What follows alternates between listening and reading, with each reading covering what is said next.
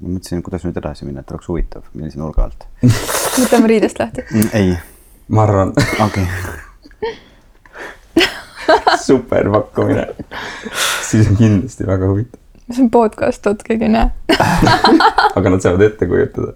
ja see on ju kõige parem porno siis, kui sa ei näe, aga sa tead, et midagi toimub.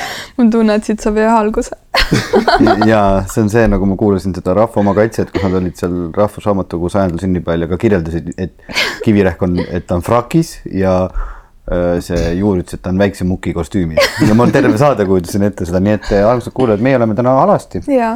jube mõnus on olla siin. nii mõnus soe. Kui enda sees on soojus, siis on talvel ka soe. jube hea, head kuulamist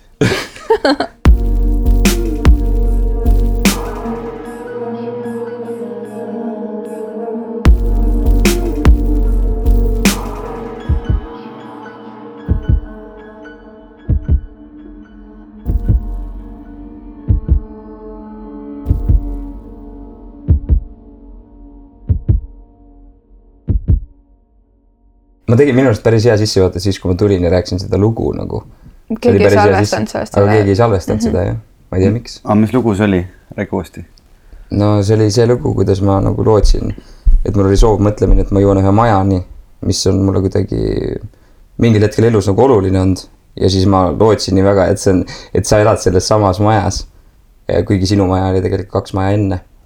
ja siis ma kõndisin sinna ja kõndisin ja siis, kui sa ütlesid oma maja numbri, siis ma oma peas ikkagi üritasin, vist petsin ennast ära, et ma tuletasin endale meelde seda teise maja numbrit, seda eelmise maja numbrit. ja läksingi sinna ja siis ootasin seal värava ees, et see avaneks. aga see värav ei avanenud ja siis ma kõndisin kaks maja tagasi, tulin siia. no see on mingi soovmõtlemine, mina tahan ka vahel mingite majadega kohtuda, et, et lähed kuskile ja siis mõtled, et, et tahad, et, et äkki see oleks see maja näiteks ma olen Tartus ühe korra saanud äh, ööbida Airbnb-s niimoodi, et ma sain oma unistuste majja. ma ei tea, kas keegi teab Tartut või no korterisse, et kui sa lähed sealt raamatukogu juurest, sealt läheb väike kitsas trepp läheb alla sinna mm, -hmm. mis ta oli kunagi Vilde juurde. seal on need Okeiko loomad on seina peal. siis seal paremat, seal paremat kätt on üks selline hoov, selline väga salapärane hoov, selline puidust mingi terrass ja mingid taimekesed ja mingi sihuke nagu mingi võlumaailm. kas see on see, kus on see sein on kohe selle, see kivist, noh, see suur, selle mm -hmm. mäesein on seal vastas või? on see see? mäesein ja. või majasein no, või mingi sein. mingi suur sein, kivist sein. jah, jah. see, kus on põrandad diagonaalis jooksevad ühes nagu toas või? ei, see on üks teine. see on üks teine okei. aga ma tean mõlemat nii, ja sa jõudsid sinna majja. ühesõnaga, et ma võtsin kunagi Tartus Airbnb äh, ainult nagu korteri sisepiltide järgi, teadmata, kus see asub. ja kui ma sinna kohale läksin, siis ma nägin see on see korter, kus ma olen mõelnud nagu viis aastat, et kes siin elab, ma tahaksin õudselt elada ja siis ma sain aru, et seda on võimalik raha eest endale seda elamist seal tellida. Aga tere, head kuulajad, me oleme sujuvalt jõudnud tõepoolest esimest korda oma salvestusega minu koju ja täna on äh, meil külas Sander Rebane tere, Sander. tere. Sander on äh, näitleja, ütleme siis nii ühe, ühe sõnaga ja eks ta räägib endast pikemalt, aga me ei ole Sandriga täna kahekesi, vaid siin on ka Elina, sest et äh, meil on Sandriga võib-olla mingil määral plaanis ka väga mehised teemad.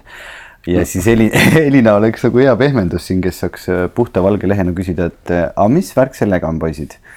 või siis rääkida ise tüdrukute kogemustest. aga Äh, ma teengi hästi pika sissejuhatuse, et üks põhipõhjuseid tegelikult, miks ma Sandri siia kutsusin, on see, et me oleme Sandriga koos teinud ühte lavastust, mille pealkiri on Ei tao.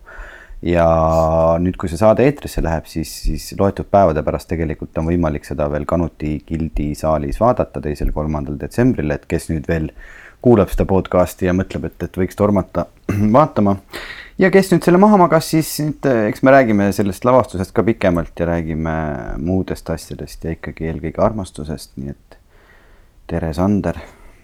tere. see, see on, kas ma võin ühe korra veel öelda tere, Sander, siis saaks nagu kolm korda tere öelnud. tere tere.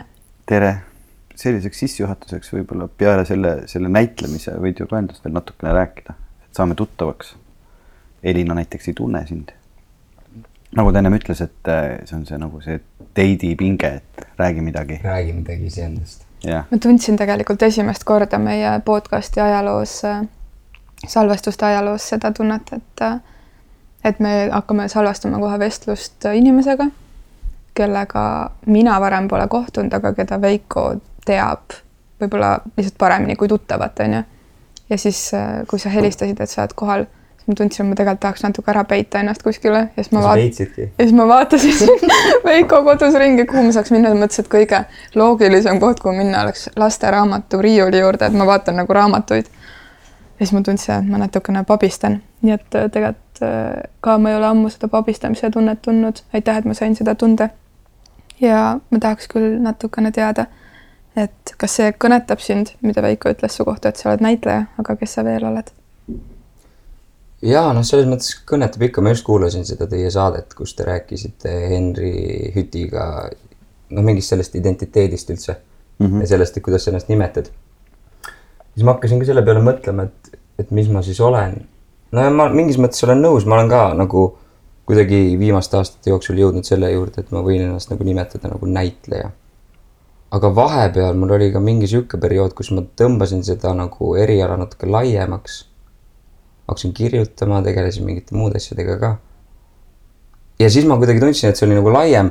aga nüüd ma jälle kuidagi olen mingis mõttes oma peas võtnudki vastu selle otsuse, et ma tahaks selle erialaga nagu kuidagi süvitsi minna või.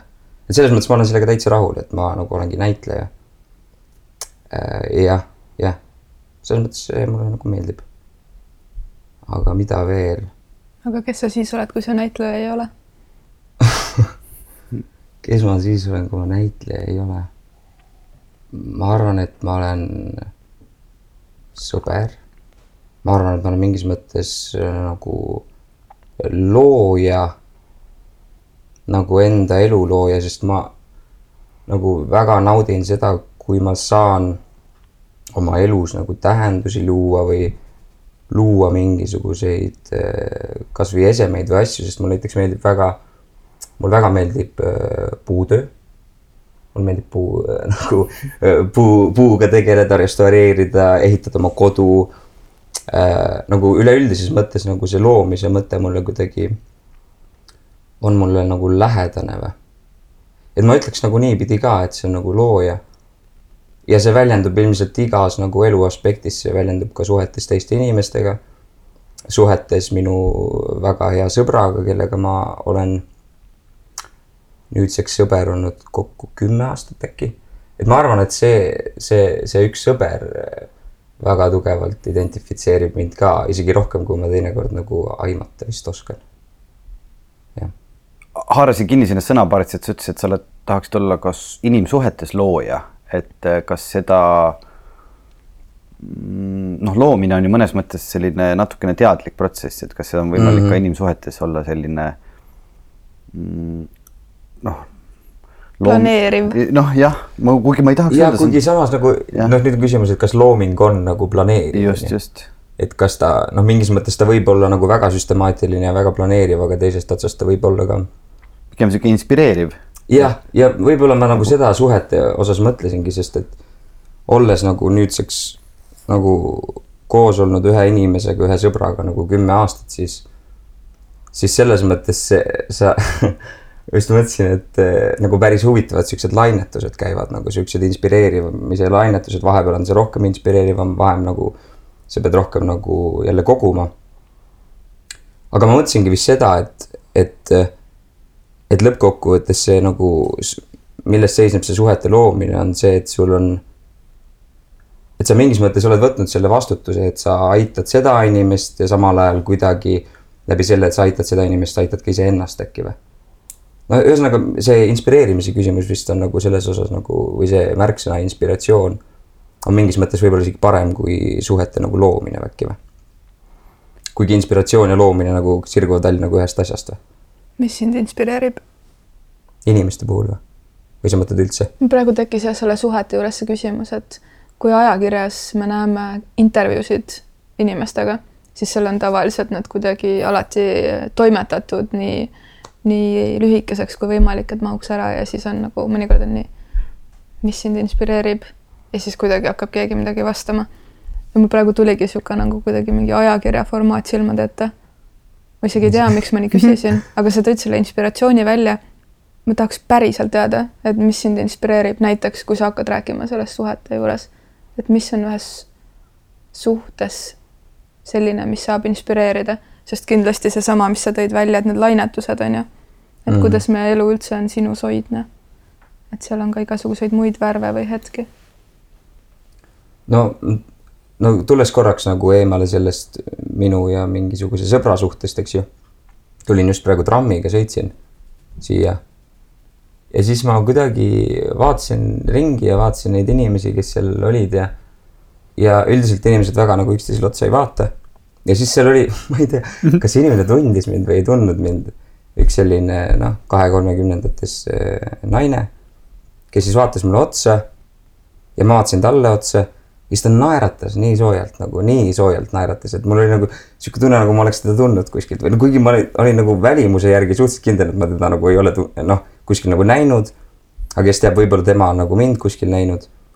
aga et see oli hästi inspireeriv et kuidagi need sooja ja kohe pärast seda Kanuti peatuses oli üks teine nagu tütarlaps, kes ei olnud küll nii sooja naeratusega kõik see, aga kellega tekkis nagu sihuke hetk, kus sa võisid nagu, me vaatasime umbes mingi kolmkümmend sekundit üksteisele lihtsalt otsa ja siis ühel hetkel lihtsalt pöörasin pilgu ära. et kuidagi need on nagu inspireerivad äh, nagu inimestevahelises suhetes. aga sõbraga suhetes on inspireeriv see, kui kui sõber suudab sind aeg-ajalt nagu panna mõtlema või tekitada sinus mingisuguseid nagu teadvusseisundeid, mida sa ise nagu käesoleval hetkel ei oskagi nagu välja pakkuda või otsida. noh, kõige lihtsam näide, et see, äh, olete toas ja siis sõber ütleb, et kuule, lähme, lähme metsa. siis te lähete metsa ja siis nagu seal toimub mingi nagu uus sihuke, mingi uus vahetus või uus suund või et see on kuidagi tore, see on inspireeriv. Sa oled üks väheseid inimesi, ma lihtsalt praegu kuulan sind nagu imetlusega, et sa nagu põhimõtteliselt ju räägid elukaaslasest kui sõbrast, on nii? jah. jah, vaata, aga see on selline hästi ilus äh, sõna selle väljendamiseks. ka, kas sa kasutad seda praegu siin meiega vestluses või, või muidu teiste inimestega ka vestluses? ja teistega ka, jah kas, ega see segadust nendes ei tekita? tekitab see tekitab väga tihti segadust sest et inimesed üldiselt tahavad seda nagu. Nad tahavad siukest konven-, konventsionaalset sõna jah, binaarset nagu sellist selgust nagu luua. aga, aga sellega on selles mõttes ju huvitav nagu, nagu kümne aastaga inimesed elavad nagu läbi väga huvitavaid nagu etappe oma elus ja mm. -hmm. ja ühel hetkel meil juhtus küll see, et me nagu läksime mingiks hetkeks lahku äh,. aga noh, kuna see nagu asi oli nagu nii kuidagi, tegelikult me saime pärast aru, et see nii hästi meile sobib. See asi, mis siis on, see meie sõprus mm. -hmm. ja siis meil oligi, me sattusime kuidagi jälle sellele samale rajale. ja me mingis mõttes teadlikult isegi otsustasime, et me ei, ei pane sellele mitte mingisugust silti külge ega mitte mingisugust sellist äh, ei nagu ei kinnita seda kuidagi ära ja sealt see kuidagi jäi ja sealt tekkis mingi meeletu nagu vabaduse tunne või. ja jah, ja sellepärast me ei olegi, meil on päris nagu ühine konsensus selles osas, et et meil mõlemal meeldib, et see ongi nagu pigem nagu sõprus. sest seda ma olen nagu õppinud selle aja jooksul ka kõige rohkem, et selle kümne aasta jooksul, et sul kui, kui ei ole omavahel nagu sõber, siis on siis on väga keeruline nagu mingit sellist ühist asja ehitada üldse või. noh, iseasi, kui palju seda üldse ehitama peab. aga, aga jah. Kas sul on tunne, et mingid äh, sellised äh, väga määratud tiitlid võivad äh, siis kahjuks tulla pikemaajalistele suhetele, et kui me vaatame näiteks nagu no kui me räägime näiteks abielust ja vaatame seda statistikat, mis Eestis on ju, kui palju tegelikult abielusid lahutatakse. et äh, noh, nüüd ma tegelikult nagu lihtsalt vastan, küsin ise nii nagu, aga et noh, mina ise olen ka seda meelt, et, et pigem nimetada asju sõpruseks, kui, kui võib-olla abieluks, et äkki see paneb mingid piirid peale, aga samas ma ei tea. see jällegi mingitele inimestele võib-olla väga sobib. no seal on nagu põhiküsimus vist on see, et kui sa valid mingisuguse nimetaja mm, -hmm. siis äh, oleneb noh kuidas sa seda tõlgendada oskad või kui palju vabadust sa selle sees annad. et ükskõik, mis mängu me mängime, küsimus on lihtsalt, kui tõsiselt me seda teeme. nagu ja kui me paneme endale ükskõik mis, selles mõttes ma võin selle sõbraga, ma kujutan ette, et me võime ühel hetkel abielluda ka. aga küsimus on lihtsalt selles, et kuidas nagu, millis-, missugused reeglid me selle nimetaja sees nagu kokku lepime või. või kuidas meie seda koos mõistame. et kõige nagu ilmselt jamad tekivad siis, kui sa võtad mingisuguse nimetaja, mm, mingisuguse sümboli mingi asja kirjeldamiseks ilma et sa tegelikult enda jaoks oleks seda lahti mõtestanud, mis asi see on. kui see on nagu mingis mõttes selline illusoorne nimetaja või noh, mis ei ole sinu jaoks enda jaoks nagu selge, et siis tekivad minu arust nagu jamad. mul on sihuke tunne et äh, seal on ka tõesti, laiendades sinu seda mõtet, probleem selles, et, et paljud inimesed võib-olla ka valivad selle abielu ja lasevad seda abielu defineerida nii-öelda ühiskonna poolt, et nad ei ei teagi nad ei lepi omavahel noh, reegleid kokku, muidugi halb öelda, aga et nad võtavad seda, kui et sellel on mingisugused äh, läbi sajandite kujunenud mingid üldtunnustatud, enam-vähem arusaadavad reeglid. ja nüüd me peame kuidagi selle järgi käituma ja siis nad lasevadki võib-olla sellel sõnal endast üle sõita. sellega ma olen päri. ja no selles mõttes, ega ma ei mõelnud ka nagu otseselt seda, et need on nagu reeglid või noh, tahes-tahtmata, kui kaks inimest kokku saavad, ükskõik mis situatsioonis nad on, neil tekib mingisugune nagu ühine, ühisosad ja mingid osad, mis neil ei ole nagu ühised. ehk siis pigem nagu reeglite asemel võib-olla kasutada seda sõna, et tuleks leida see ühine arusaamine sellest nimetajast, mille alla nagu minnakse. mina olen ainuke inimene, kes selles kolmikus praegu on abielus ja kui ma mõtlen tagasi sellele hetkele, kui me abiellusime siis äh, ma kindlasti ei teadnud, mida see abielu üldse tähendab, et ma olin nii noor ja, ja see nii-öelda otsus abielluda, et konkreetselt nagu nii-öelda sõlmida see siis riiklikul tasandil kuidagi nii, nagu ta on siin riigis määratletud, ei olnud kindlasti äh, nii läbimõeldud, nagu sa praegu kirjeldasid. ja ma olen seda samamoodi adunud. ja, ja me kõik kasvame ja muutume et mida tähendab üks abielu ja eesti keeles on minu meelest tõesti see abielu üks äh, kentsakas, omamoodi ilus, aga väga kentsakas sõna selle kohta, et mida me siis teeme, et inglise keeles on nagu marriage on ju. aga nagu abielu ja minu meelest see tihti just see kuidagi selle sõna sisu, et see abielu mm -hmm. ongi see, mis juba hakkab seda eos äh, mingis mõttes nagu äh, sööma sest et, et kui, kui, kui kedagi kõnetab, on ju, et afirmatsioonid või sõnajõud, et siis, et see jääbki selliseks eluks, kus abistatakse, aga võib-olla mõnikord unustatakse kõik muu ära, et jääbki üks, üks, üks suur abistamine. aga kõik muu äh, vabadus, kirg või, või, või lihtsalt inimesele loomuomased kasvamised ei mahu selle abistamise juurde ära et see abielu on niisugune huvitav sõna ja nähtus ja ma ei tea, kui vana sa oled, Sander? kakskümmend seitse. Kakskümmend seitse, minu jaoks on täiesti nagu mingi ulme kuulata ühe kahekümne seitsme aastase noormehe suust sellist juttu, et et, et me peame aru saama, mida see kokkulepe meie jaoks tähendab. et ma olen praegu kolmkümmend kolm. oih, ma olen kolmkümmend neli. Jeesuse east möödas ju. ja ma ei teadnud, kas ma elan selle üle, aga elasin.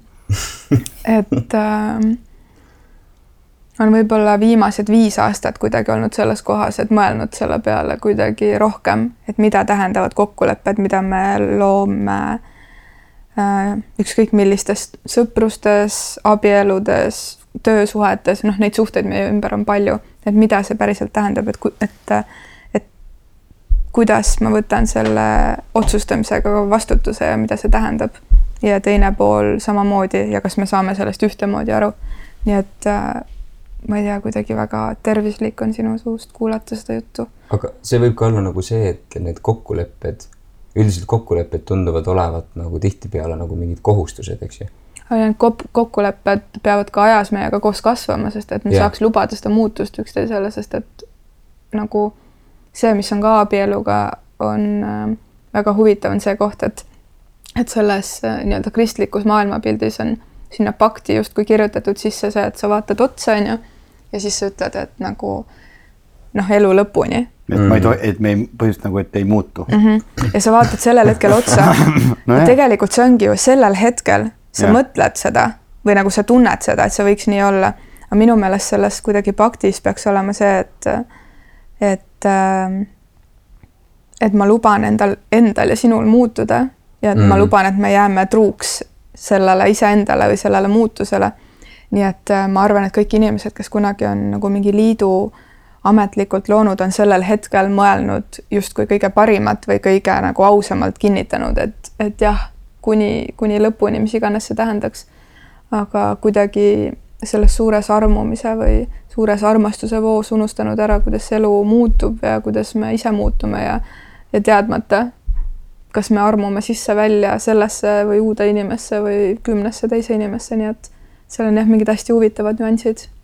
ja selle nagu kokkuleppe juures võibki olla nagu, et see on, need on kokkulepped sõlmitud äh, nagu sellest tulenevalt, et missugused on meie nagu vabadused. et kui ma mõtlesin selle peale ka, et mis see nagu, nagu kahe inimese vahelise, vaheline nagu armastus on, siis mul on kogu aeg tundunud, et see kokkulepe selles kahe inimese vahelises armastuses peab nagu olema nagu sõlmitud selle peale, et, et mõlemad inimesed saavad iseennast armastada nagu. et alles siis nad saavad nagu kokku tulla. vähemalt nii ma olen nagu, ma tunnen, et minu ja minu sõbra vahelises kokkuleppes on see nagu äärmiselt oluline. et meie nagu indiviididena noh, saaksime ikkagi selles maailmas nagu iseennast armastada ja ei, nagu ei, ei suleks ennast mingite printsiipidega iseenda nagu õnne eest, et alles siis me saame kokku tulla. ehk siis just noh, et täpselt, et need, et need kokkulepped peaksid äh, nagu kätkema ka vabadusi, mitte ainult kohustusi mis tihtipeale nagu tundub, et abielu on ainult mingisuguste nagu kohustuste nagu paika panemine, aga nagu tegelikult seda, et missugused need kokkulepped on, kus kohas meil on tegelikult ruumi ja kus kohas meil on vabadust, nagu seda tihtipeale nagu ei noh, seda nagu välja ei tooda äkki või? ma arvan, et inimestel on ka palju hirme seoses sellega või see, et äh, kuidagi, et äkki ma ei saa siis sinu peale kindel olla või midagi niisugust yeah., et see on nagu mingi asi, mis mis äh, ka takistab mm.. aga see iseenda armastamine on üks kõige olulisemaid asju, ma arvan, armastuse juures üldse.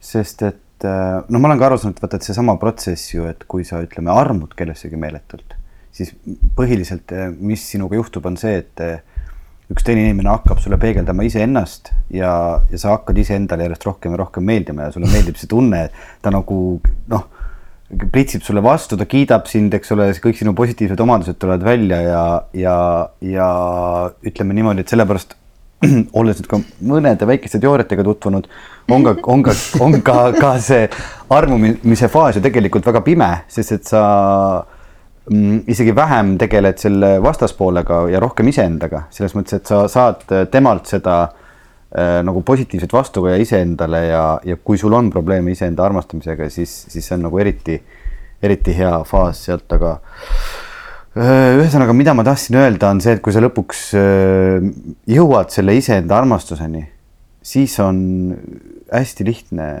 igasugused suhted inimestega ja, ja see on, see on väga oluline, aga sinna on raske jõuda. mul on tunne, et ma olen natukene sinna juba hakanud jõudma nii tore kuigi ja. mul on tunne, et see iseenda armastamine ei ole ka nagu mingi üks töövihiku harjutus, et teed ära ja siis oled kohal, et see on ei no kui see oleks töövihiku harjutus, oleks ülilihtne ju minu arust töövihiku harjutused on megakeerulised. võivad olla jah. et, äh, et see on täpselt see, et ühel hetkel sa arvad, et sa oled kohal, on ju. Ja siis läheb natuke aega, et sa setitad seda ja kuidagi võib-olla julged seda üks hetk tunnistada endale, võib-olla julged tunnistada kellelegi lähedaste ringis kellelegi ja siis ühel hetkel võib-olla tahad süüda kogu maailmale. ma armastan ennast mm -hmm. ja siis kuidagi midagi juhtub, ma ei tea, kuu seis, see inimene, kes on mulle seda armastust peegeldanud, on, on liikunud kuskile edasi. ilm läheb vihmaseks, et kui sa, kui sa nagu oled mõjutatav mingisugusest muust trallallast, millest me tegelikult kõik oleme, isegi kui me suudame päris hästi oma keset hoida, siis ühel hetkel võib jälle olla tunne, et et võib-olla ma nagu ikkagi nagu nii palju veel ei oska ennast armastada, et see on minu meelest niisugune nagu see inimeseks olemise mängus hästi tavaline. no see on lõputu niisugune üles-alla mm, -hmm. selles mõttes, et seda nirvaanat nagu ei, ei eksisteeri nagu päris nagu puhtal kujul kindlasti mitte. Aga mis ma, see on nagu võib-olla nagu niisugune imelik hüpe, aga mis selle nagu iseenda armastamisega, noh, kui sa laval oled, ma ei tea, kas sa, Veiko, oled seda võib-olla tundnud. et äh, mina ühel hetkel avastasin nagu siukse fenomeni, et, et kui mina laval usun, siis nagu publik usub. või mida ma ei tao puhul nagu avastasin, et kui mina nagu avan, siis publik avab. Noh, kui mina teen mingi ukse lahti nagu iseenda ukse, siis nagu teised inimesed saavad ka selle ukse lahti teha ja minu arust on armastusega samamoodi, et see selles mõttes see iseenda armastamine on nagu selles mõttes oluline, et siis teised inimesed saavad sind ka nagu armastada, sest kui sa iseennast ei armasta, siis, siis seal ei saa tekkida justkui nagu mingit seda sidet või. jah, aga noh, loomulikult selle iseenda armastamisega võib ka nagu minna lõpuks nagu mingi, nagu selles mõttes liiga kaugele, et. egomängud. jah, et lõpuks ei, ei mahu enam keegi sinna sisse, vaata. ja, ja seda küll, aga, aga ma arvan, et see põhiline vastus kõikidele probleemidele, lahendus kõikidele küsimustele, ma praegu ütlen selle välja, eks ole okay.. et see ongi see, et, et inimesed ei, ei pea otsima seda, et teised inimesed armastaks neid, vaid kui sa tõesti, nagu Sander ütles, see tegelikult toimub ka laval, et kui sa saad iseendast aru, usud iseennast ja jõuad selleni, et mul ei ole vaja äh, väljaspoolt seda saada, vaid ma tegelikult ise armastan ennast, siis hakkavad ka teised inimesed sind armastama ja samamoodi ma arvan, see nagu teatri analoog on selles mõttes äkki hea.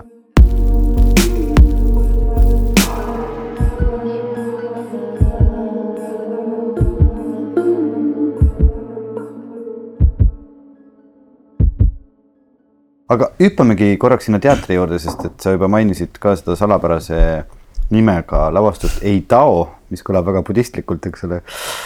Et äh, nüüd tulles äh, siis äh, sellistest ilusatest armastuse teemadest tegelikult sellise huvitava teema juurde nagu porno ja pornograafia. et mis sa ütlesid, super või? super. Super jah, et tegelikult oli ju niimoodi, et Sander, sa ise tulid selle mõttega dramaturg Paavo Piigi juurde, et kus, kus sul üldse selline mõte tuli, et võiks sellist teemat hakata käsitlema ja teatrilaval? Nagu porno ja pornosõltuvus? no see mõte tuli Äh, puhtalt sellest, et ma, et ma ise lihtsalt noorena nagu olin mm, pornotarbija mm. -hmm. ja, ja tegelikult ma lihtsalt olin vaadanud mingisugust huvitavat äh, CD Talki, mis nagu minu jaoks avas mingisuguse uue viisi, kuidas seda pornoteemat vaadata ja siis oligi, ma olin enda teatri enda garderoobis ja siis sain äh, kellegi käest Paavo numbri, siis helistasin talle ja siis ütlesin talle, et sihuke mõte ja siis talle meeldis ja siis sealt ta läks nagu. porno ja sõltuvus, kas see on äh, suur probleem või see on mingisugune nišiteema? sa oled selle taustaga ju tutvunud koos Paavoga päris pikalt nüüd. jaa, ei me uurisime seda ikka päris mingi poolteist aastat äkki või. No selles mõttes, et ta nagu tegelikult on nagu päris suur küsimus, väga, isegi väga suur küsimus, sest arvestades seda, et. ja räägi, räägi arvestades seda, et äh, MindGeek, kes omab äh, suuremat osa nagu pornosaitidest maailmas. Ähm, et äh, see, nende internetiliiklus on võrreldav siin Netflixi, Facebooki ja Google'iga. et ta on seal selles suures vihikus sees, mis tähendab seda, et tegelikult on see nagu väga globaalne nagu küsimus. ja mõjutab selles mõttes inimese elu minu arust ikkagi väga väga suuresti ja tihtipeale niimoodi, et inimesed ei saa sellest arugi, kuidas ta mõjutab. ma mõtlengi, et tavainimene ju mõtleb, et mis selles siis halba on, et ma pornot vaatan. see, mis siis, mis siis, so what, mis sõltuvusest sa räägid? mis värk sellega on? jah, no selles mõttes, et no seal nagu, kuidas sellele inimesele seda selgitada, võib-olla on, et kui see inimene nagu kuidas ma talle ütlen seda, et see on nagu jama või, millest ta saab aru sellest, et see on jama ei, sa ei pea seda niimoodi praegu ühe lausega välja ütlema, aga sa ise ja. oled tegelikult ju selle nii-öelda paastu läbi teinud, alustades ka kuskilt punktist, kus sa vaatasid palju pornot ja. jah, ja, ja võib-olla ma nagu veeretasingi seda mõtet, üritasingi sinnapoole veeretada. et, et tegelikult äh, selliste asjade puhul, kuidas on kõige paremini aru saada sellest, et kas on mingi sõltuvus või kas on mingisugune jama või ei ole mingit jama või kõik on jumala nagu hästi. et minu arust tasub lihtsalt ongi see, et mingiks hetkeks võib-olla see tarvitamine nagu lõpetada. sest et kui sa kuu aega ei tarvita, siis noh, sa võid terve elu veel nagu edasi tarvitada, aga võib-olla see kuuajaline periood nagu seda mitte teha, võib-olla õpetab sind nagu väga palju sellest, et missugune tegelikult sinu nagu see tarvitamise harjus, harjumus üldse nagu oli või? et ma arvan, et see on kõige parem indikaator, et siis missugused tulemused sealt siis tulevad.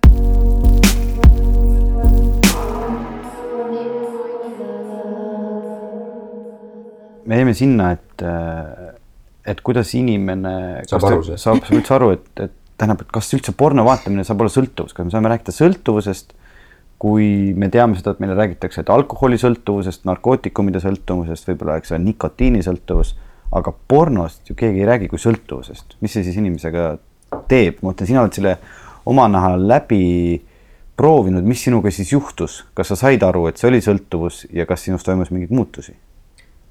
no sõltuvus on ta juba niivõrd, et kui sa pead seda nagu, kui sa tunned, et sa tahad iga õhtu seda teha, eks ju, sest kui ma olin noorem siis tõesti mul oli nagu selline harjumus, et ma tulin nagu ikkagi koolist koju ja ja, ja panin ukse kinni ja no selles mõttes või noh, enne magama minekut või noh mm -hmm., tekkis mingi sihuke periood nagu, kus, et nagu seal on üks märk mm..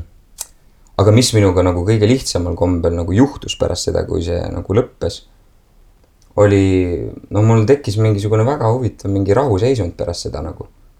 et see oli nagu meeletult, aga noh samas võib öelda, et ükskõik, kui ma praegu otsustan nüüd, et äh, tänasest peale ma iga päev, iga hommik joon sidruniga vett, eks ju mm. -hmm.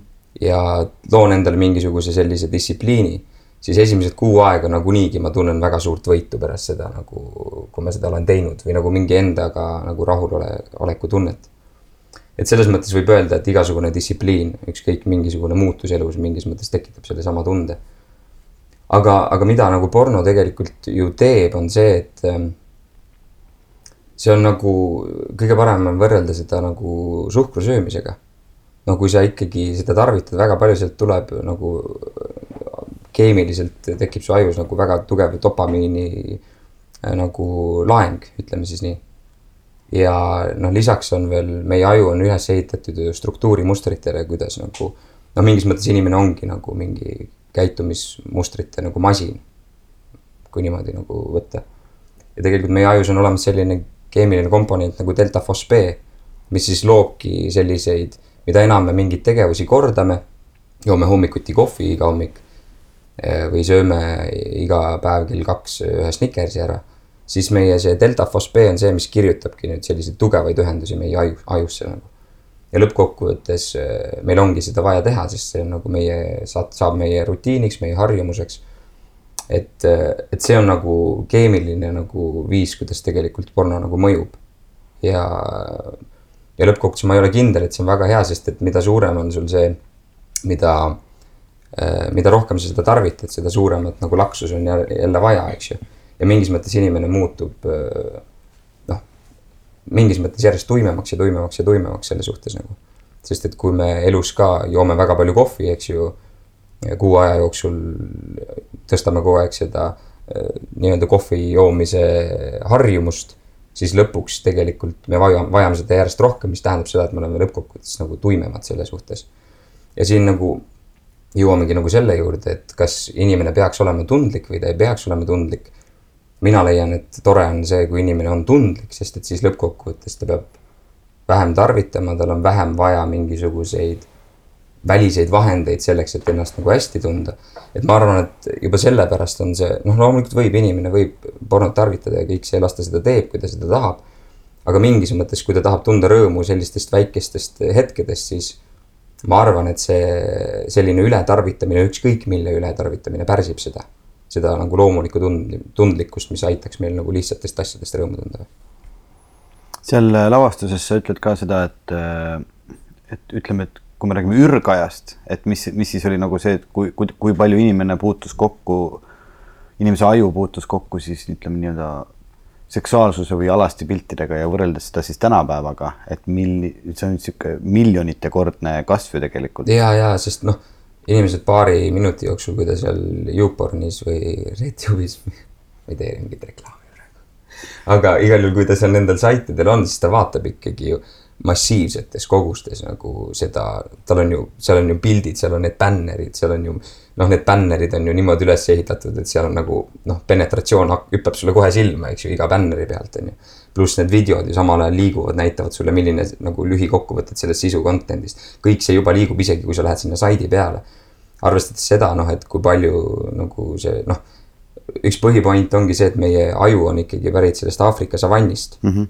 nagu mingis mõttes aga see Aafri-, Aafrika savannist pärit aju on tõstetud nüüd sellesse keskkonda, kus tal on meeletu nagu võimalus kõike seda saada. ja lõppkokkuvõttes noh, no, no kes teab, kuhu see nagu välja viib, on ju, võib-olla inimese aju lõppkokkuvõttes kohaneb sellega ja võib-olla see viib mingi uue evolutsiooni tasemeni, on ju. kõik see ai ja kõik igasugused sellised nagu äh, vahendid, aga mingis mõttes minu arust oleks nagu kasulikum leida seal tasakaalu, kui see, et lihtsalt lasta sellel nagu minna nagu omasoodu täiesti et, et selles mõttes vastates su küsimusele äh, on see jah, see savannist pärit aju on sattunud ikka väga nagu intensiivsesse keskkonda. Kas äh, ja ma saan aru, et seal on ka tegelikult ju see probleem, et inimesed äh, otsivad järjest rohkem ja rohkem nagu selliseid ekstravagantseid lahendusi siis seal, seal pornofilmis, et üha, üha vähem on inimesi, keda erutab see tavaline klassikaline Äh, seksuaalakt siis, mida. vaniljeseks. vaniljeseks, ütleme siis, mis see siis ma ei taha öelda. okei okay,, seda saab teada, kes tuleb tükki Lava. vaatama. ja seda saab seal kuulda, aga mm, et, et see on ju ka probleem, et, et inimesed elavad järjest rohkem nagu selles nii-öelda lavastatud reaalsuses ja, ja et kas, kas on ka oht, et see liigne porno vaatamine ja liigne äh, siis väga eriskummalise porno vaatamine tegelikult äh, teeb lõpuks seda, et inimene nagu päriselus, ta enam, temaga ei toimugi midagi. ja noh, selles mõttes jah, see ongi nagu üks põhilisi küsimusi, mis tegelikult on tekkinud, on olemas sellised saidid nagu NoFap ja äh, Hiinas on Gze, mis nagu. mis, mis see NoFap ja? NoFap ja Gze on siis sellised kommuunid, kus siis saavad kokku inimesed, kes otsustanud, on otsustanud lõpetada siis äh, porno peale, pornograafilise materjali peale masturbeerimise ja on otsustanud siis nagu paastuda pornost. Ja, ja nende põhiline nagu argument on see, et väga paljud mehed ei suuda enam, kui nad päris naisega astuvad intiimkontakti, siis mm -hmm. nad mhm. ei suuda nagu seksuaalselt erutuda.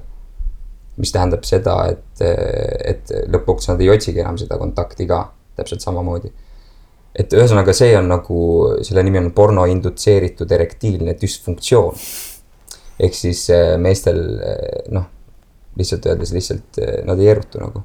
et see on nagu üks väga tugev nagu mõjufaktor tegelikult, mis väga paljudel meestel seal internetikommuunides noh, see jutt nagu levib ja kui nad sealt välja tulevad, siis tihtipeale see asi võib nagu muutuda. aga teine aspekt, mis on veel nagu väga keeruline selle juures, mida mingis mõttes mina olen oma isiklikus elus ka tundnud, on see, et ikkagi missugused nagu arvamused sul seksist tekivad, missugused mm -hmm. arvamused sul iseendast tekivad. Ja see ei ole nagu ja siin nagu mingis mõttes me läheme välja ka nagu sellest pornomaailmast, sest et porno nagu ikkagi väga lühikese aja jooksul see porno, mis vanasti oli hardcore, eks ju, sellest sai softcore, see, mis oli softcore, sellest on mingis mõttes tänapäeval saanud see avalik meediaruum. Äh, mis tähendab seda, et see ei ole ainult küsimus meestest, kes vaatavad nagu pornot ja tunnevad, et oh, miks sellel mehel on noh nii võimas pakett. Noh, ja tunnevad selle pärast mingit mhm. ebakindlust, mis tekitab omakorda seda tunnet, et nad võib-olla ei julge üldse seksuaalakti, intiimsesse akti naisega nagu astuda. aga teine küsimus on see, kuna see, kuna see on nagu peavoolumeedias ja tegelikult see pepukultuur, mis meil nagu valitseb. kui sa vaatad Instagramis ringi eh, Kardashianidest, ma ei tea, kelle mingi spordi tšikkidena, jõusaali tšikkideni välja, kes panevad Instagrami kogu aeg mingeid pepupilte ja suurepäraste kehade pilte mis oli vanasti nagu softcore porno mingis mõttes, aga nüüd on nagu, nagu avalik meediaruum. ma isegi arvan, et nagu üheksateistkümnenda sajandi lõpul oli see hardcore. jah ja, ja, ja, ja siis oli see, siis oli see hardcore või no täpselt nagu nüüd tuli mingi uudis, kuidas venelase, venelaste olümpiavõitjad tegid mingisugused videod, kus nad on üleni paljad põhimõtteliselt nagu. ja reklaamivad siis nagu spordi seda. noh, aga mis see tekitab siis noh, et küsimus ei ole ainult selles, et mehed, noored mehed vaatavad pornot ja vaatavad seal seda väga räigeid fetišeid, vaid kuna see üleüldine seksuaalne pilt meie avalikus meediaruumis on muutunud, siis väga paljud ka noored tüdrukud tunnevad mingisugust alaväärsust selle osas et mida laiem nagu, mida süve, nagu sügavamaks see probleem läheb, seda rohkem inimesi see puudutab lõppkokkuvõttes ka kaudselt. ja samamoodi on ka see, et mehed ootavad ju naistelt mingisuguseid asju, et nad ennast raseeriksid, et neil oleksid, ma ei tea, väga ilusad rinnad või et nad oleks hästi peenikesed nagu porgand või noh. Et selles mõttes see nagu mõjutab väga palju valdkondi lõppkokkuvõttes ja tekitab seal ka väga palju probleeme just nagu inimeste mm, enesekindluse osas äkki või? Ja selle osas, et kas nad suudavad iseennast armastada? mina korraldan äh, naiste retriite ja laagreid ja õhtuid ja kogu see seksuaalsuse teema on, äh, on äh, väga aktuaalne. Ja me oleme seda nii-öelda naiste seltskonnas arutanud ja analüüsinud ja vaadelnud ja, ja kõike, kõike nii ja tegelikult lihtsalt seksuaalsus on üks osa sellest inimesest, kes me siin selles planeedil oleme, sellel, selles dimensioonis on ju. et seksuaalsus on lihtsalt üks väga oluline osa meist. ja huvitav on see, et me täna räägime sellest teemast siin nii avalikult, et äh, kuidagi viimase poole aastaga me oma naiste kohtumistel oleme jõudnud äh, väga avalikult äh, vesteldes meeste teemani ja just äh, seksuaalsuseni ka meeste vaatenurgast ja ma olen viimasel ajal päris palju ka mingisuguste meestega seda arutanud ähm,. nii et see väga kõik kõnetab, mis te räägite. Ja see on tegelikult kogu see seksuaalsuse teema on nagu nii palju suurem ja sügavam ja kõikehõlvavam, et äh, ma ei teagi, kas me jõuame täna nagu sellesse niimoodi laskuda ja ma olen väga-väga kuidagi nõus kõigega, mis sa rääkisid. ma ei ole ise näinud seda lavastust, ma tahaksin vaatama tulla.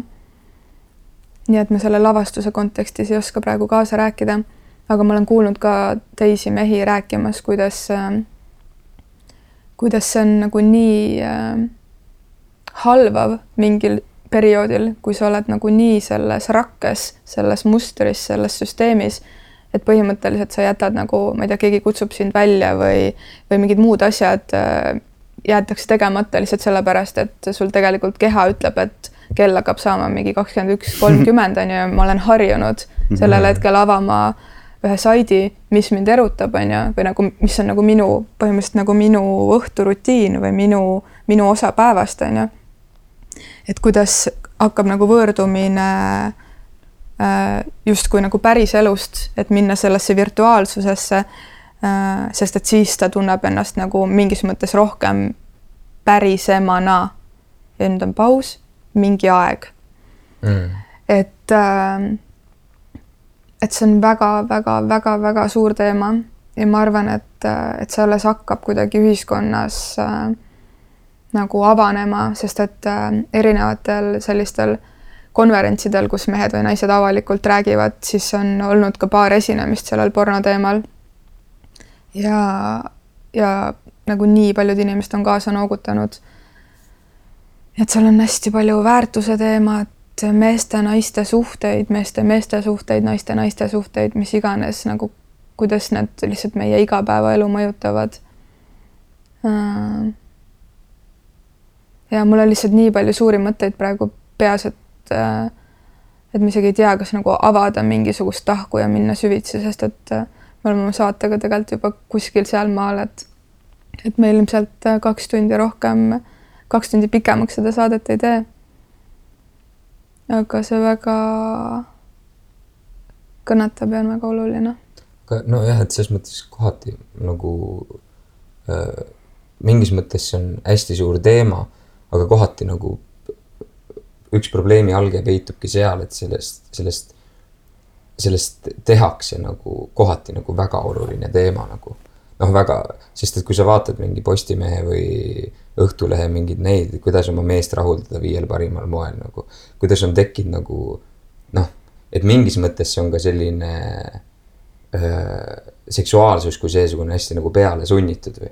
see on osa nagu hästi tervest nagu suhtest või et noh, et seal, et mingis mõttes seal on kuidagi mingisugune väga imelik asi ka sellega, kui sellest nagu räägitakse avalikus meedias. no loomulikult ma ütlen seda, et nagu, nagu teadlikult ja teadvustatult sellest peaks kindlasti kõnelema järjest nagu rohkem ja ma just mõtlen seda porno nagu maailma.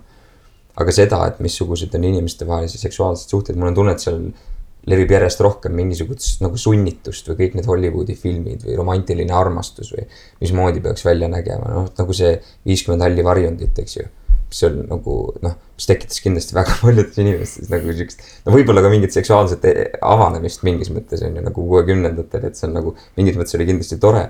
aga samal ajal ma kujutan ette, et see tekitas inimestes ka nagu no mingit sundi nagu, et miks minul nii ei ole või miks nii ei ole nagu või nagu mingid tabloidid, et oh normaalses suhtes inimesed seksivad iga nädal kaks-kolm korda noh, mingid siuksed asjad, vaata, mis tekitavad jälle mingit nagu teistpoolsust sellele nagu, sellele seksuaalsusele.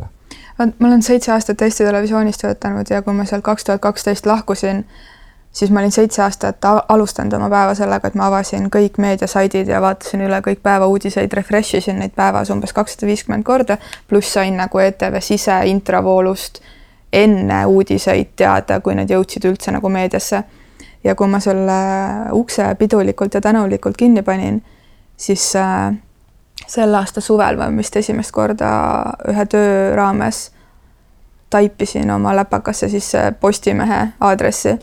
nii et äh, ma täiesti ausalt ütlen, et ma pole absoluutselt kursis sellega, et nagu mis, mis on ja ma ei tarbi sellist meediat, ma nagu, mul on nii palju muud tööd iseenda oma kasvamise, arengu ja kuidagi nagu maailma paremaks muutmisega, et ma seda üldse ei tarbi. ja mingis mõttes siis mu järgmine lause on ka võib-olla mõttetu. aga ma arvan, et lihtsalt see seksuaalsus, et nagu, et kuidas teha oma meest või naist õnnelikuks viie nipi abil et lihtsalt võib-olla see nagu tavameedias või peavoolumeedias on, äh, seda käsitletakse nagu täpselt sama nagu mingi moodi, toitu mm., äh, ma ei tea, whatever, on ju, mis, mis on what's out there, et äh,, et ma tegelikult ei arva, et nagu see seksuaalsus on kuidagi nagu rohkem esil kui nagu mingi, ma ei tea, Malle lõi Kallele kahvliga pähe, on ju, kuskil SL Õhtulehe, noh, kind of kaanel. et selles mõttes äh, ma ei, ma ei, ma vist sellega nõus ei ole, et see on kuidagi rohkem esil kui mingi muu, mingi muu teema, mida mm. lihtsalt kuidagi proovitakse üles pumpida, et inimesed rohkem ostaks.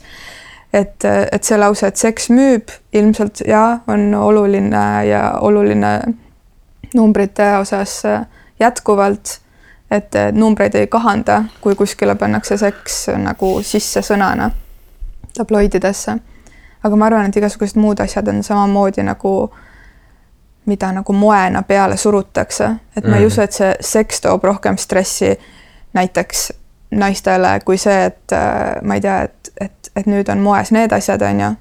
ja, ja, ja inimestel tekib, ma ei tea, mure, et kust ma saan raha, et osta nagu jälle see või see või see või noh, mis iganes mm.. aga, aga pigem on nagu see, et, et see teadlikkuse teema, et äh, et tihti inimesed nagu, ma ei tea, isegi kui nad seksivad, nad ei tea, mida nad teevad või nagu mis see, mis see üldse on, mis see seks üldse on. et minu meelest on see kuidagi väga oluline või, või, või, või enese rahuldamine, et seda saab teha nagu nii teadlikult kui siis ka nagu lihtsalt lahmides, mis siis võiks minna selle porno alla, on ju tagudes.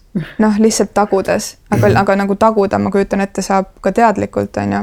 või see, et et üldse nagu õppida oma keha tundma, et mida tähendab, on ju, et mehed ju kaotavad elujõudu, kui nad lihtsalt nagu mingi lihtsalt äh, purskavad ja taovad tühja, on ju. selles mõttes äh, seal on lihtsalt nii palju mingeid siukseid aspekte, mida siis näitan näppudega jutumärkides tavainimene, millest võib-olla üldse nagu teadlik ei ole. et ma kuidagi nagu lihtsalt nii soovin, et see seksuaalkasvatus jõuaks päriselt põhikooli lõppu hiljemalt, põhikooli viimastesse klassidesse ja ja juba järgmistel level, levelitel keskkooli, gümnaasiumi ossa. sest et nii huvitav on ikkagi see, et, et meile õpetatakse noh, siinus, ma ei tea, mis iganes.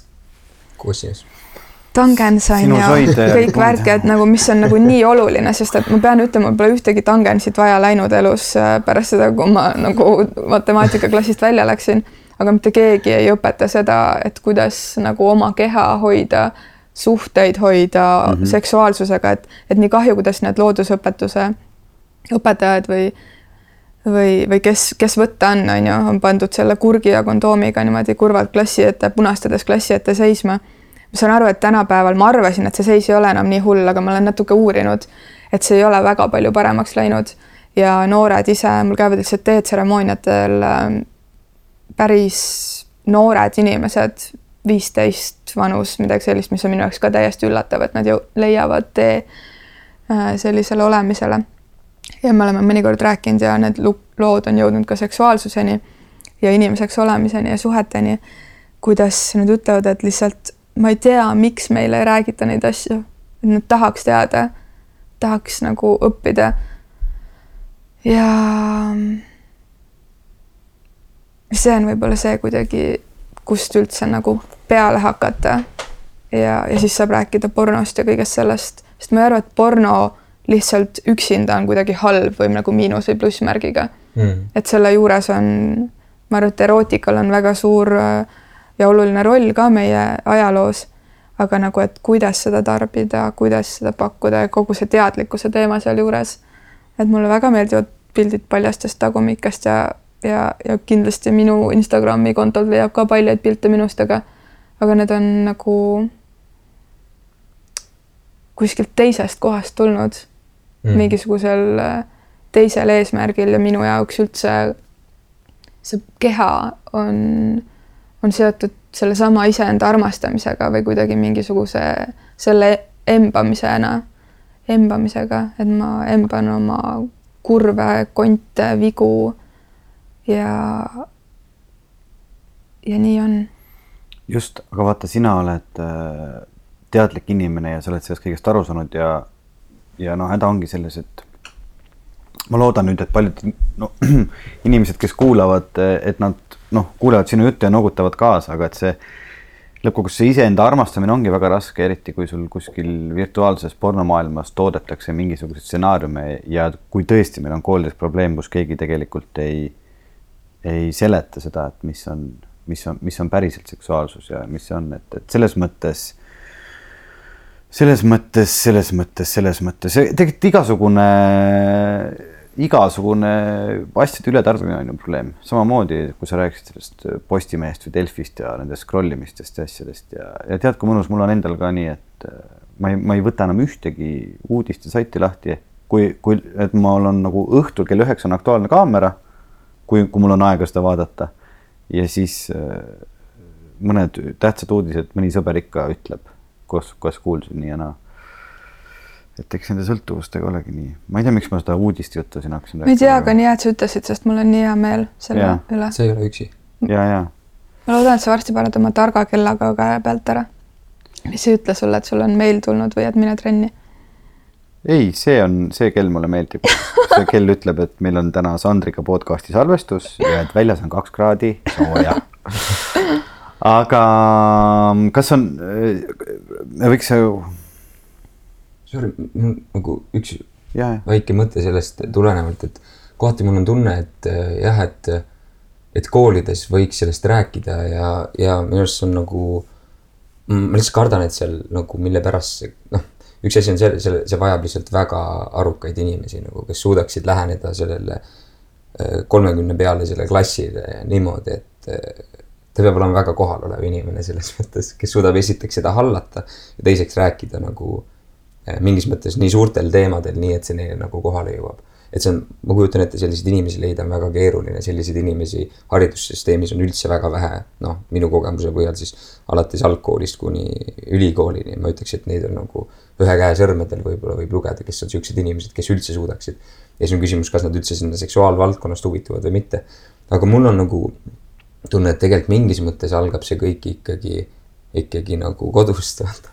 või noh, selles mõttes nagu see inimestevaheliste suhete väärtustamine, hoidmine algab ikkagi vanemate eeskujust, algab sellest, missugused on sinu suhted vanematega.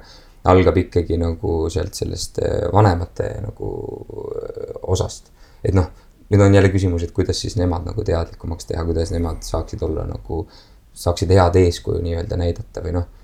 et minu arust see nagu lõppkokkuvõttes see, see väärtuste baas on kuskil seal kodus nagu peidus. et mul on natukene tunne, et, et, et ma ei, ma ei kujuta ette, et kuidas see õpetaja peaks suutma hallata seda kõike seda nagu seal ühes klassis või? ma olen väga, väga palju pos-, positiivsem selles osas ja ma olen optimistlikum ja nii huvitav on ikka need sünkroonsused elus, et me tegelikult äh, eile hommikul rääkisime ühe mu sõbraga täpselt just sellest, millest me praegu räägime.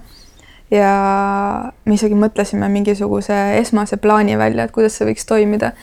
ja, ja loomulikult koolisüsteemis ei pruugigi olla selliseid õpetajaid, see on koostöö, see tuleb nagu väljast nii-öelda sisse osta see teenus on ju äh, inimestel, kes, kellel on, kellel on kompetentsi selles osas, kes oskavad noortega suhelda ja kes võtavad ka selle vastutuse, et see on mingi projekt, mis on mingisuguse kindla aja peale, sellepärast et see ei ole selline koht, kus, kus mingi pintsakus mees tuleb, astub uksest sisse, hakkab mingit nokujuttu rääkima ja siis läheb minema ja siis jätab nad sinna nagu noh, et nagu, et noh, ja nüüd, nüüd nagu seedige.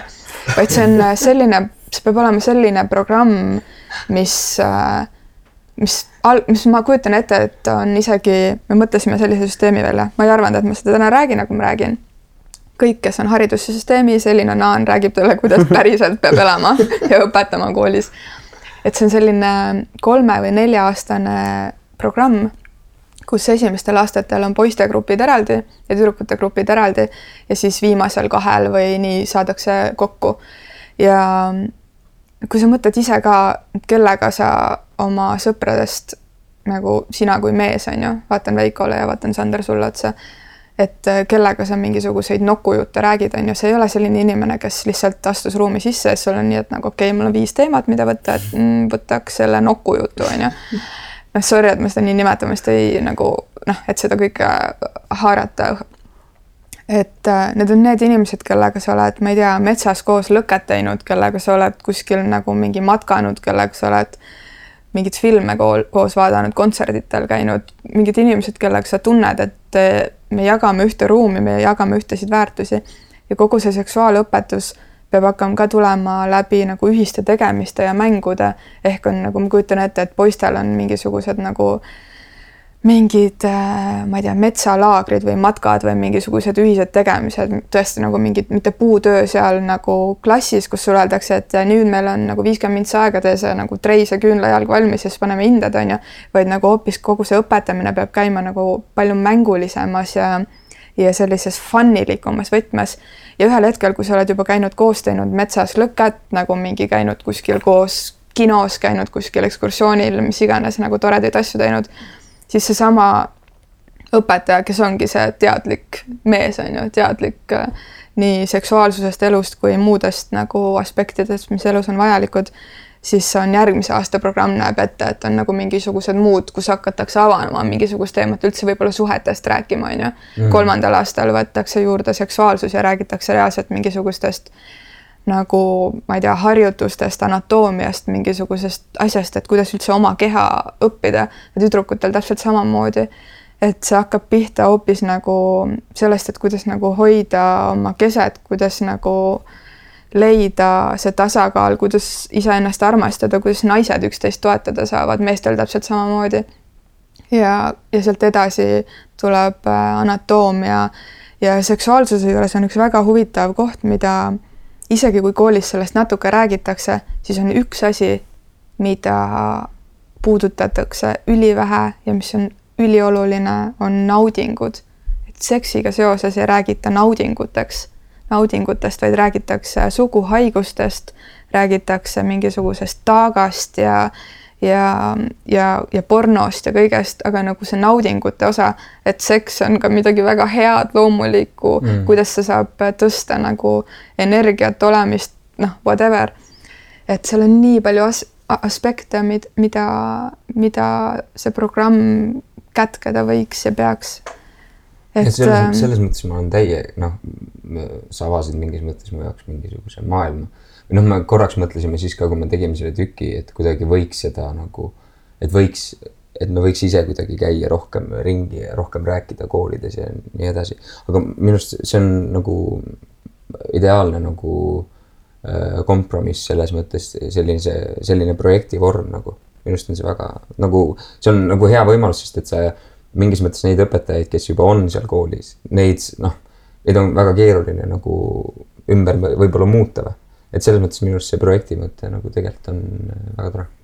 ma arvan, see võiks olla väga viljakas vot ja siis seal lõpus, nagu ma alguses, kui ma alustasin, on see, et, et saavad nii-öelda poisid ja tüdrukud kokku, saab esitada küsimusi, rääkida ühes ruumis kõikidest teemadest ja teha mis iganes hingamisharjutusi koos nagu vaadata, mida see üldse tähendab, nagu mingit, mingisuguseid vestlusi, hetki, et äh, see ongi see äh,.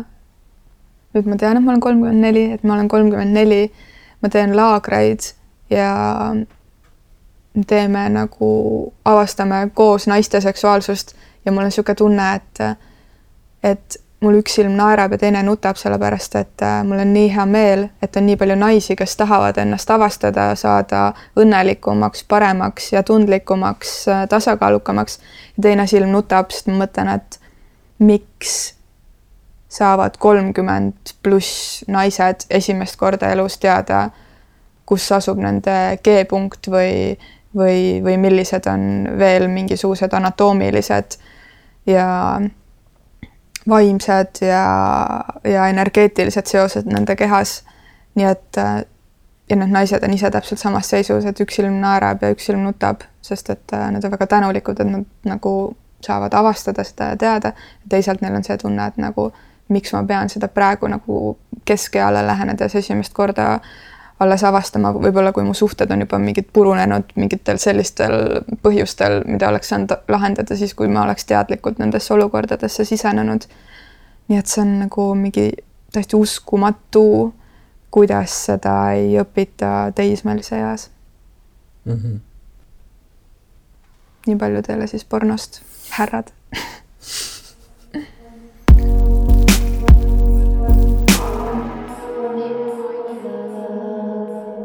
meie saateaeg hakkab läbi saama.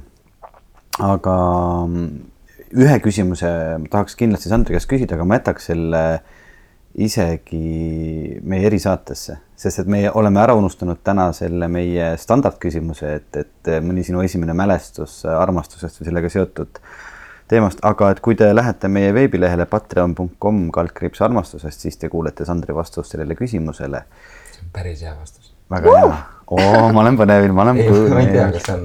no vaatame, vaatame. ma tõmbasin ootused üles, nüüd see ei ole üldse enam nii. ei, väga hea, selles mõttes, et mida rohkem inimesi meid toetab, seda kindlam on see, et äh, ma saan kunagi raha tagasi selle salvestaja eest, mis mul siin laua peal on, need mikrofonid ja need patareid ja need arvutid ja.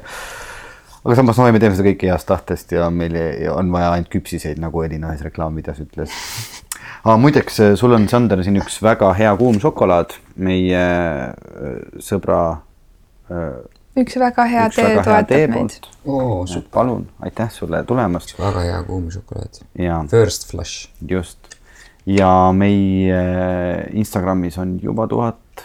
ja rohkem. tuhat ja rohkem jälgijat, mis on väga tore podcast armastusest, leiate meid üles Instagramist, Spotify'st, iTunes'ist igalt poolt, ma ei tea, kust veel. ja ma tahaks öelda, et äh, need inimesed, kes täna seda saadet kuulasid, ma ei teadnud ka, kus see jutt pihta hakkab ja kuhu ta jõuab aga kui sul on tunne, et sa tahaksid seda saadet jagada kellegagi, siis saada see oma sõpradest äh, kooliõpetajatele, inimestele, kes töötavad äh, Riigikogus näiteks, äh, kes töötavad haridussüsteemis, kes töötavad tervishoius. et saan aru, et need mõtted on olnud mingis mõttes võib-olla toored ja lihvimata, aga need tulid kõik puhtast südamest ja me kindlasti kõik kolm esindame mingit osa Eesti ühiskonnast. nii et aitäh, et te kuulate ja kellel veel mõtteid tuli, kirjutage meile tere, et armastuses.com. aitäh, et kuulasite ja Tahe ka. aitäh, Sander, et sa tulid. aitäh, et kutsusite. ja lähme siit edasi siis erisaatesse, nii et minge veebilehele patreon.com kaldkriips armastusest.